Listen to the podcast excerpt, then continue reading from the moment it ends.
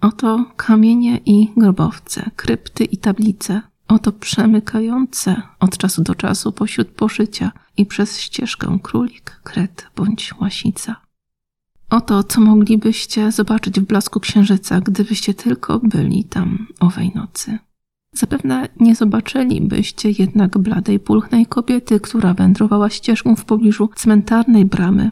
A gdybyście ją nawet ujrzeli, drugie, uważniejsze spojrzenie upewniłoby was, że to tylko promienie księżyca, mgła i cień.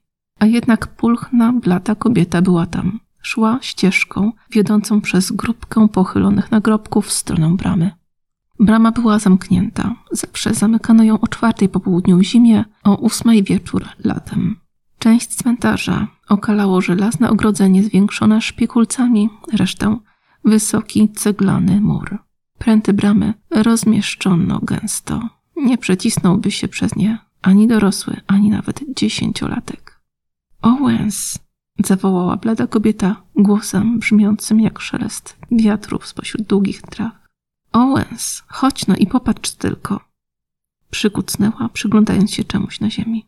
Tymczasem plama cienia przesunęła się na ścieżkę i w blasku księżyca zamieniła się w posiwiałego mężczyznę po czterdziestce. Mężczyzna spojrzał z góry na swą żonę, potem na to, na co patrzyła i podrapał się po głowie. Pani Owens? spytał. Pochodził bowiem z bardziej formalnych czasów niż obecne. Czy to jest to, o czym myślę?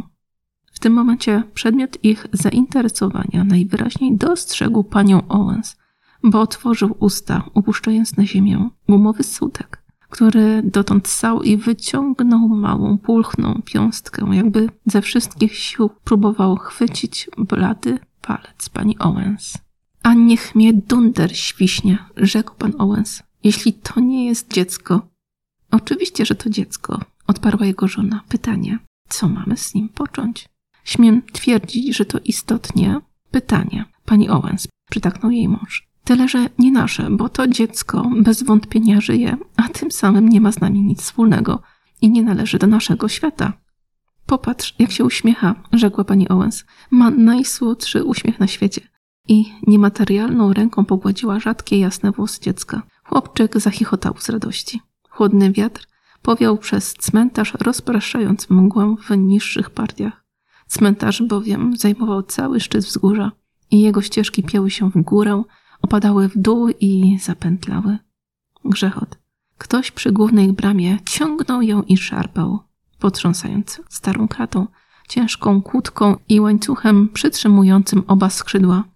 No proszę, rzekł Owens, oto rodzina maleństwa przychodzi zabrać je na stęsknione łono. Zostaw małego, dodał, bo pani Owens obejmowała chłopczyka bezcielesnymi ramionami gładząc go, tuląc. Ten tam nie wygląda mi na niczyją rodzinę, odparła.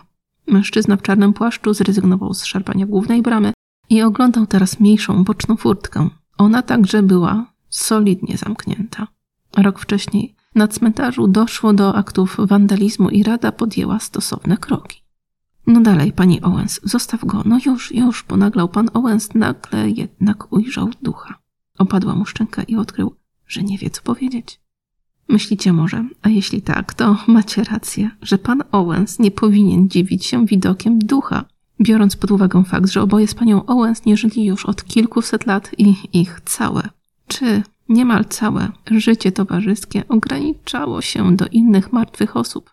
Istniała jednak różnica pomiędzy mieszkańcami cmentarza a tym, ostrą, migotliwą, zaskakującą zjawą szarej barwy telewizyjnego szumu promieniującą paniką i nagimi emocjami, które zalały Owensów jak ich własne.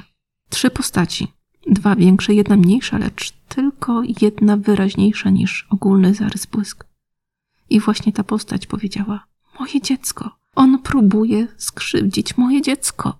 Hurgot. Mężczyzna na zewnątrz ciągnął alejką ciężki metalowy kubeł na śmieci, zmierzając w stronę ceglanego muru okalającego tę część cmentarza.